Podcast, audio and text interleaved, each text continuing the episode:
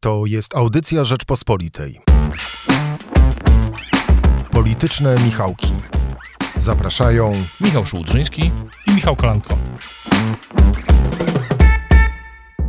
W piątek, 18 dzień listopada. Witam Państwa bardzo serdecznie w Politycznych Michałkach i zapraszam na dyskusję, w której będziemy analizowali od strony politycznej rozmaite aspekty tragedii w Przewodowie.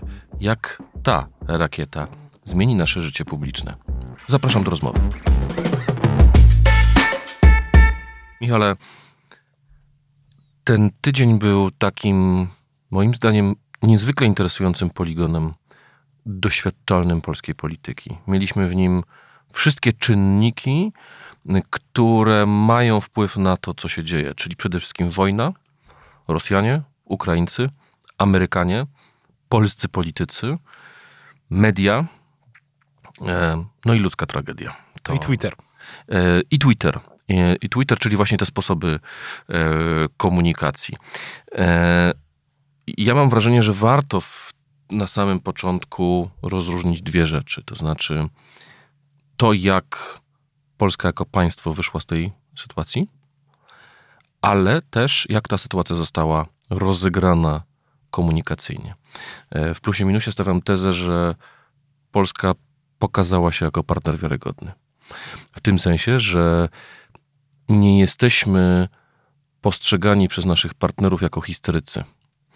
E, I w tym sensie to, że rząd zwlekał z podaniem jakiejkolwiek decyzji, u naszych zagranicznych partnerów zostanie nam zaliczone na plus. I będą myśleli, ok, może to są ludzie, którzy mają w swojej polityce wewnętrznej jakieś zamordystyczne tendencje, może chcą sobie podporządkować sądy, media, może w wielu sprawach prowadzą totalną wojnę z totalną opozycją i tak dalej, ale w sprawach fundamentalnych, czyli w sprawach bezpieczeństwa, nie jest to banda wariatów, że jest to um, grupa ludzi, którzy tam, gdzie chodzi o życie ludzkie, o wojsko, o decyzje, które mogą e, doprowadzić do eskalacji tej wojny, która i tak już podzieliła świat na pół, na tych, którzy popierają jednych i drugich, że tutaj Polska przynajmniej e, zachowała się jako partner wiarygodny. Myślę, że oczywiście dziesiątki aspektów tej sytuacji, tak jak zwróciłeś uwagę, ten tydzień to był taki pigułce, cała polska polityka i cały ten jej ekosystem, w którym też jako dziennikarze w jakimś sensie um, uczestniczymy, przynajmniej go obserwujemy czy analizujemy. Ja myślę, że y, myślę, że głównym moim takim wnioskiem po tym, po tym tygodniu jest to, jak bardzo świat y, przyspieszył. To znaczy, jak bardzo wszystkie te wydarzenia, które się dzieją, y, przyspieszyły przez to, że są zakotwiczone w mediach y, społecznościowych. I to, co obserwowaliśmy przez te ostatnie kilka, kilka dni, później to tempo trochę spadło, to jednak pokazuje, jak politycy i dziennikarze, i też i media, w jakimś sensie wszyscy my jesteśmy mm, ale też odbiorcy zwykle. Odbiorcy są, e, są e, zakotwiczeni w takim, w tym, w tym świecie, którego do końca też reguł... Ssania informacji, tak, tak? Że do końca reguł nie, też jeszcze nie rozpoznajemy, nawet mimo tego, że one się też często zmieniają przez, sam, przez zmianę samego ekosystemu. Tak, Twitter się teraz e, zmienia poprzez, e, po zmianie mm, właścici właścicielskiej i to też, e, to też, na to też trzeba zwrócić uwagę. Dobrze ci rozumiem. E, bo ja tutaj dostrzegam taką zakamuflowaną uwagę. Kilka lat temu, czy kilkanaście lat temu, rzecznik rządu może wyjść i powiedzieć: Szanowni Państwo, poczekajcie trzy godziny, odbędzie się spotkanie, potem wszystko Wam powiemy. Dzisiaj może apelować, ale nie przynosi to żadnego skutku, dlatego że zapotrzebowanie opinii publicznej na informacje tu i teraz, szczególnie e, w sytuacji, kiedy rząd mówi nie wierzcie niesprawdzonym informacjom, a w mediach społecznościowych hulają dziesiątki zdjęć, fragmentów rakiety. Już trwają dyskusje, czy to jest rosyjska e, rakieta manewrująca, czy też szczątki bardziej przypominają e, rakietę z systemu S-300. No to w takiej sytuacji rząd nie może powiedzieć poczekajcie, zobaczymy, zachowajcie umiar i tak dalej. Z tego, co ja rozumiem, to istota, te, istota tego wydarzenia w komunikacji w tej, w, w, we wtorek. Właśnie, bo to przechodzimy do tej drugiej rzeczy, tak? Do tego, jakie były intencje rządu, żeby zachować się poważnie, ale z drugiej strony przechodzimy teraz do tego wątku komunikacyjnego. Wydaje się, że jeszcze jest jedna taka uwaga do charakterze ogólnym, że polityka stała się komunikacją.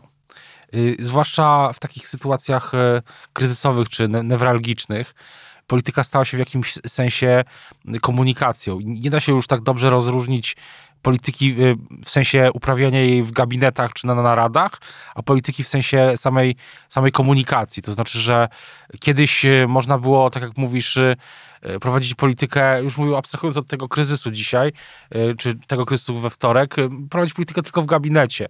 Tak jak robi to... Że polityka to jedno, a Komunikacja to drugie. Ale tak robi to, robił to kiedyś przez dziesiątki lat prezes Kaczyński przecież głównie, że to była polityka w gabinecie, tak? Natomiast teraz e, historia na przykład z tym stwierdzeniem o dawaniu, dawaniu w szyję, to pokazuje, że nawet że prezes Kaczyński też już nie, nie może uniknąć tego, że polityka to też e, komunikacja, że te prawa grawitacji takiej politycznej już jego też e, dotyczą. Natomiast wracając do samego... To pociągnijmy ten temat, dlatego że to, to brzmi trochę jak taka trawestacja E, słynnego sformułowania McLuhana medium is the message, czyli no, tak na, przez to, że zmienia się e, sposób komunikacji, zmienia się również treść, która, która, się, która się formuje. Rozumiem, że jeżeli twierdzisz, że polityka staje się tożsama z komunikacją, to tak naprawdę polityka jest tym aktem komunikowania. Tak? Częściowo tak, ale... W tym sensie też pociągnąć tą myśl dalej. Im bardziej Właściwie każdego dnia jesteśmy świadkami rewolucji technologicznej, bo codziennie Elon Musk ogłasza rewolucyjne zmiany na Twitterze. To jest to jedno z tych narzędzi. Zmieniają się co kilka miesięcy algorytmy na Facebooku i właściwie ci specy od Facebooka muszą się go uczyć od samego początku, co, co parę miesięcy, a zatem te metody, znaczy ta polityka nieustannie ewoluuje. To tak jakbyśmy chodzili po zastygającej dopiero lawie. Część, część tej polityki, bo ona dalej jest, tak paradoksalnie ten tydzień pokazał też, że rdzeniem polityki cały czas są właśnie te decyzje, które zapadają za zamkniętymi drzwiami. Ja uważam, że ja to już pisałem też nomen omen na, na Twitterze i się do tego będę trzymał, że ja uważam, że z punktu widzenia wiarygodności Polski ważniejsze było podejście takie, które zaprezentował, e, zaprezentował rząd i prezydent w ten, w ten wtorkowy, wtorkowy wieczór, bo ja... Pisanie o 18 poczekajcie i tak naprawdę informacje spłynęły realne dopiero około 24. Tak, myślę, myślę, że tak, bo to, o czym mówiłeś, ta, ta warstwa, warstwa mm, tego rozpracowywania sytuacji, ona jest pochodną wojny, no bo na woj, ta wojna w Ukrainie, ale i wszystkie i pozostałe wojny w tym czasach, powiedzmy, internetowych, one też są... Roz... Wojna z inflacją, wojna z COVID-em. Nie, ale miałem na myśli całkiem, całkiem y, te wszystkie, nie wiem, na przykład Syria, albo y, tam też były, od, właśnie wtedy były rozpracowywane sytuacje zdjęć, na podstawie zdjęć y, w internecie. Jest taki portal Bellingcat, który, który, to, jak, który to był pionierem, jego, jego założyciele, jego, ta społeczność wokół Bellingcat była pionierem, jest nawet książka o tym y, zresztą, z pionierem takiego właśnie rozpracowywania sytuacji, mm, rozpracowywania sytuacji kryzysowych na podstawie właśnie zdjęć. Zwany OSINT, Open open source inter, Ale to prowadzi na, intelligence. Często prowadzi na... Bellingcat akurat y, ma dużo sukcesów na koncie też, jeśli chodzi o...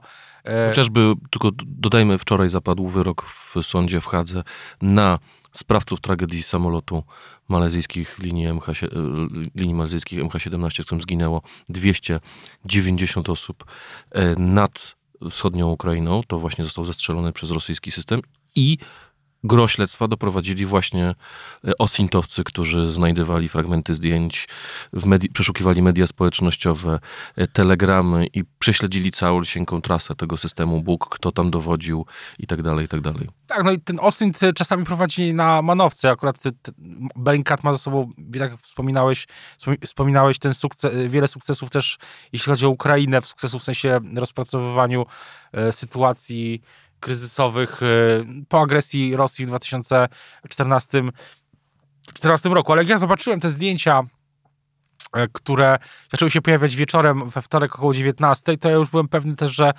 Austin też będzie, będzie działał będą próba, próby szybkiego przypisania tej sytuacji do jakiejś jednej z, z, kategorii. Ja myślę, że tak jak powiedziałem, ja się tego będę, ja się tego trzymam, uważam, że rząd i prezydent zrobili e, z punktu widzenia wiarygodności Polski e, e, dobrze, uznając e, być może, że nie ma co przejmować się krytyką w kraju. Znaczy krytyką tej komunikacji. Ja myślę, że dla i dla prezydenta, i dla premiera ta krytyka tej komunikacji jest oczywiście czynnikiem, w, w, zastanawiam się też oczywiście, czy za jakiś czas nie będzie też czynnikiem wewnątrz samego PiSu, tak? Też była taka myśl, zastanawiałem się nad tym, czy ta krytyka y, premiera Morawieckiego i prezydenta, ale przede wszystkim KPRM-u nie będzie też wykorzystana kiedyś w wewnętrznych rozgrywkach w PiSie przy jakiejś okazji, bo wiemy, jak ta, mm, wiemy jakie tam są nastroje, mimo tego, że e, ostatnio jest bardziej konflikt na linii PiS Solidarna Polska niż wewnątrz, e, wewnątrz samego PiSu, ale to może kiedyś być jakimś, mm, być może kiedyś się to pojawi w tych wewnętrznych rozgrywkach. Natomiast ja uważam, tak jak wspominałem, że z punktu widzenia komunikacji na skalę globalną, to, podejście rządu miało, e, miało sens. I też z punktu widzenia tego, że jak, jak się domyślam, czy też tak po tych wszystkich e, rozmowach, że ważniejsze było to, żeby uruchomić tą, tą, tą komunikację też wewnętrzną z sojusznikami na poziomie i NATO, na poziomie, mm, na innych poziomach, niż e, od razu komunikować coś w kraju, zwłaszcza, że, mm, bo ta komunikacja w kraju wtedy i tak byłaby natychmiast podchwycona w komunikacji na skalę globalną. Wydaje mi się, że rząd chciał uniknąć sytuacji, w której byłby nie tylko takim e, rząd i prezydent, chcieliby uniknąć sytuacji, w której łatwo byłoby przypisać Polskę, Polsce łatkę histeryka, tak jak histeryczną, ale też ruso, rusofobiczną. I... No a z drugiej strony, jeżeli w którymś momencie tych dyskusji pojawiły się informacje, że to była rakieta ukraińska, no to też mamy dwa czynniki. Pierwszy, nasz bliski sojusznik. Po drugie, na ulicach polskich miast codziennie przechadzają się za 2 miliony obywateli ukraińskich i rozniecenie antyukraińskich emocji też byłoby nieodpowiedzialne. Ale Michale, mam do ciebie takie pytanie. Dlaczego tak nerwowo nasza władza teraz reaguje na tą krytykę komunikacji? Bo ja tutaj na, na dwie rzeczy chciałem zwrócić uwagę. Mm, mamy swoje źródła mm, i widzimy, że obóz rządzący, gdy tylko napiszemy, mm, że ta komunikacja zawiodła, wpada w absolutną histerię. E, ale to, co dziś rano, tak jak nagrywamy audycję, przed południem e, w piątek e, zaprezentował prezydent Andrzej Duda, no jest dla mnie też dosyć szokujące. E, przypomnijmy, e, pan prezydent napisał e, w nocy taką informację, takiego tweeta. Kłamią tak, że nawet prokuratury nie można zawiadomić, że ktoś złamał klauzulę tajemności posiedzenia. Bo prawdą w tym tekście jest jedynie to, że rakieta spadła i posiedzenie się odbiło. Odbyło. Czysta konfabulacja. Tacy to są, w cudzysłowie, dziennikarze. To była reakcja prezydenta na tekst Onetu i Gazety Wyborczej, opisujący, stawiający taką tezę, że e, informacja o tym, że była to ukraińska rakieta, była dosyć wcześnie, a członkowie posiedzeń, kolejnych tajnych posiedzeń, które miały miejsce, przede wszystkim chcieli się porozumieć z sojusznikami, co zrobić. Co w tym tekście tak, Twoim zdaniem, wzburzyło prezydenta? Szczerze mówiąc, y, nie chciałbym tutaj się wdawać w takie y, spekulacje. Uważam, że ten tweet, no i znowu, tu wracamy do tego, że to wszystko się toczy na takiej przestrzeni, która byłaby kiedyś nie do, nie do pomyślenia. Ja przez chwilę, gdy y, toczył się też ten kryzys, zacząłem się zastanawiać, jak wyglądałby kryzys kubański z lat 60., gdyby istniał Twitter. I uważam, że do, mógłby doprowadzić, gdyby mm, w skrajnie niekorzystnym rozwoju wypadków można by powiedzieć pół żartem, pół serio. Wiem, że to nie jest sprawa, którą można się śmiać, że, że w warunkach Twittera kryzys kupański mógłby doprowadzić rzeczywiście do wojny jądrowej, bo yy, byłby też nacisk na taką szybką, szybką komunikację. Jak czytamy opracowania, książki o kryzysie kubańskim, to mimo wszystko widać, że chociaż tam, tam tempo było yy, wysokie, to jednak nie aż tak, e, ta komunikacja nie, nie musiała być aż tak szybka jak, e, jak dzisiaj. No bo nie było Twittera, nie było wtedy w latach 60. oczywiście nie było też internetu w, takim, e, w tej formie, którą, którego, którą znamy. Wydaje się, że prezydent, mm, prezydent, ja uważam, że tu akurat prezydent popełnił błąd. To znaczy nie powinien tak reagować. Nie na poziomie, nie na tym poziomie reaguje się na teksty prasowe. To znaczy, widziałem później tweety też e, jego doradców i to już jest lepszy, to już jest poziom, który w dzisiejszym świecie jest bardziej adekwatny. Znaczy, w dzisiejszym świecie politycy reagują w ten sposób, niestety, na teksty e, w mediach, czy na publikacje w mediach. Dziwię się, że to zrobił prezydent. E, zostawmy na moment rząd, zostawmy na moment prezydenta, aczkolwiek rozumiem Twoją myśl tak, że jeżeli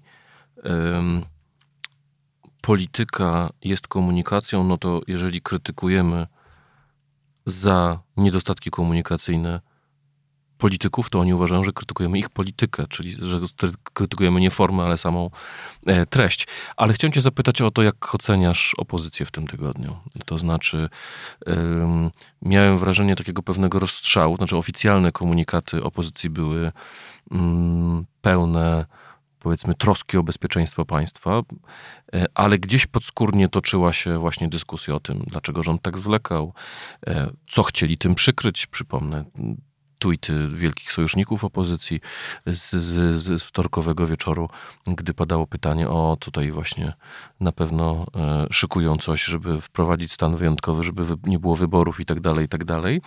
E, a równocześnie e, też gdzieś tam na, na, na, na podskórnie mm, opozycja miałem wrażenie, że no ma pewien problem, jak zarządzić tą sytuacją.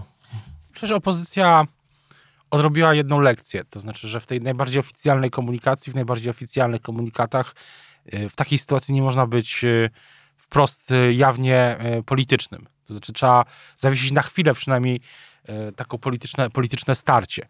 Bo mm, pamiętamy na przykład, co się wydarzyło w czasie, rok, rok temu był kryzys na granicy polsko-białoruskiej i pamiętamy, pamiętam, łatwo sobie przypomnieć, jak ta chaotyczna reakcja wtedy opozycji, zwłaszcza niektórych jej polityków, y, doprowadziła do tego, że, że rząd po prostu zyskał, czy PiS zyskało w tamtym kryzysie polityczną przewagę, chociaż y, wiadomo, że to oczywiście cynicznie zabrzmi, no ale tak to jest, że każdy, każdy ten kryzys obecny też jest rozpatrywany w jakichś kategoriach, y, w kategoriach politycznych, kto na tym zyskuje, kto traci. Chociaż nie chciałbym akurat dzisiaj y, wprost w takie dywagacje wchodzić, ale rok temu na pewno y, bieg posła, mm, jednego z posłów opozycji, posła Sterczewskiego z, z na granicy polsko-białoruskiej.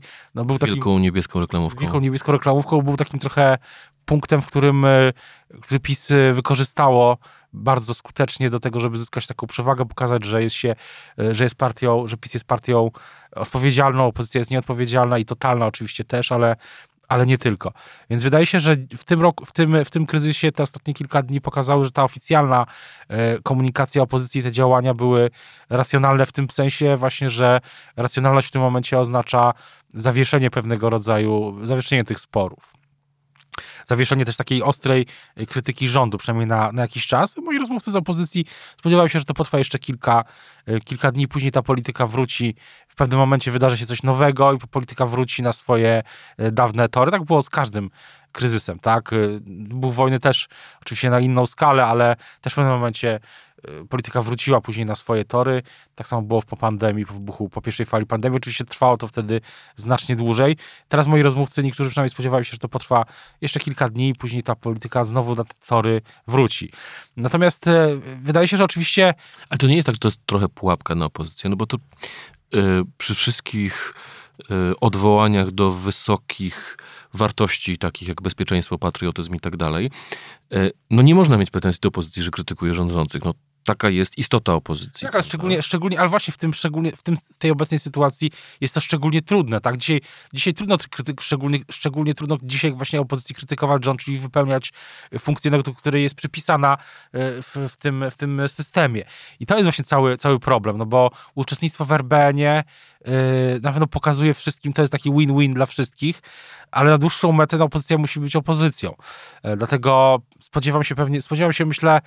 No właśnie, bo na przykład z samej platformy nie padło pytanie, dlaczego Donald Tusk nie uczestniczył w RBN-ie, ale już e, w tym opozycyjnej bańce e, medialnej, no był to temat bardzo poruszający, że to zły prezydent nie zaprosił e, Donalda Tuska, albo że to jest farsa, żeby robić Radę Bezpieczeństwa Narodowe bez lidera największej partii. Uważam, że prezydent powinien zaprosić Donalda Tuska na RBN i to jest, zwłaszcza teraz, i RBN w ogóle powinien być, myślę, zwoływany częściej, bo jednak sytuacja, w której ostatni raz był RBN w lipcu, a jednak tych wydarzeń na scenie międzynarodowej geopolitycznej było naprawdę wiele od lipca i dopiero teraz wymuszony RBN y, tragedią w Przewodowie. Y, uważam, że ta sytuacja nie jest z punktu widzenia państwowego po prostu najlepsza, że opozycja y, powinna mieć jednak forum takiej komunikacji, zwłaszcza, że te RBN-y po wybuchu wojny nie były polityczne. Ja nie, nie pamiętam, żeby w lipcu na przykład to było jakoś szczególnie rozgrywane przez opozycję politycznie. To, jak wygląda cała ta otoczka wokół, wokół RBN. Tak samo po prostu było z, z spotkaniami jeszcze organizowanymi przez ministra Dworczyka w sprawie szczepień i tak, i, i tak dalej, że, że są takie, bo to realnie jest win-win, są takie chwile, które, są takie chwile, które w których opozycja zyskuje, będąc propaństwowa.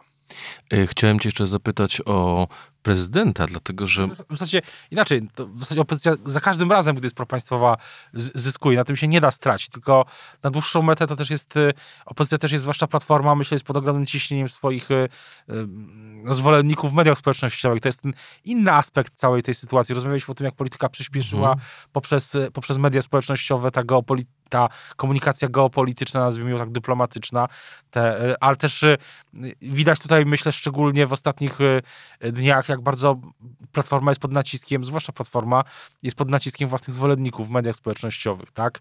Którzy czasami oczywiście później kasują swoje Yy, nonsensowne yy, tweety, ale jednak... Yy, tak, bo one wytwarzają pewne ciśnienie, one wytwarzają pewną atmosferę. Politycy Platformy to, to doskonale widzą, no bo mają te telefony, tak, cały czas przy sobie, tak jak my.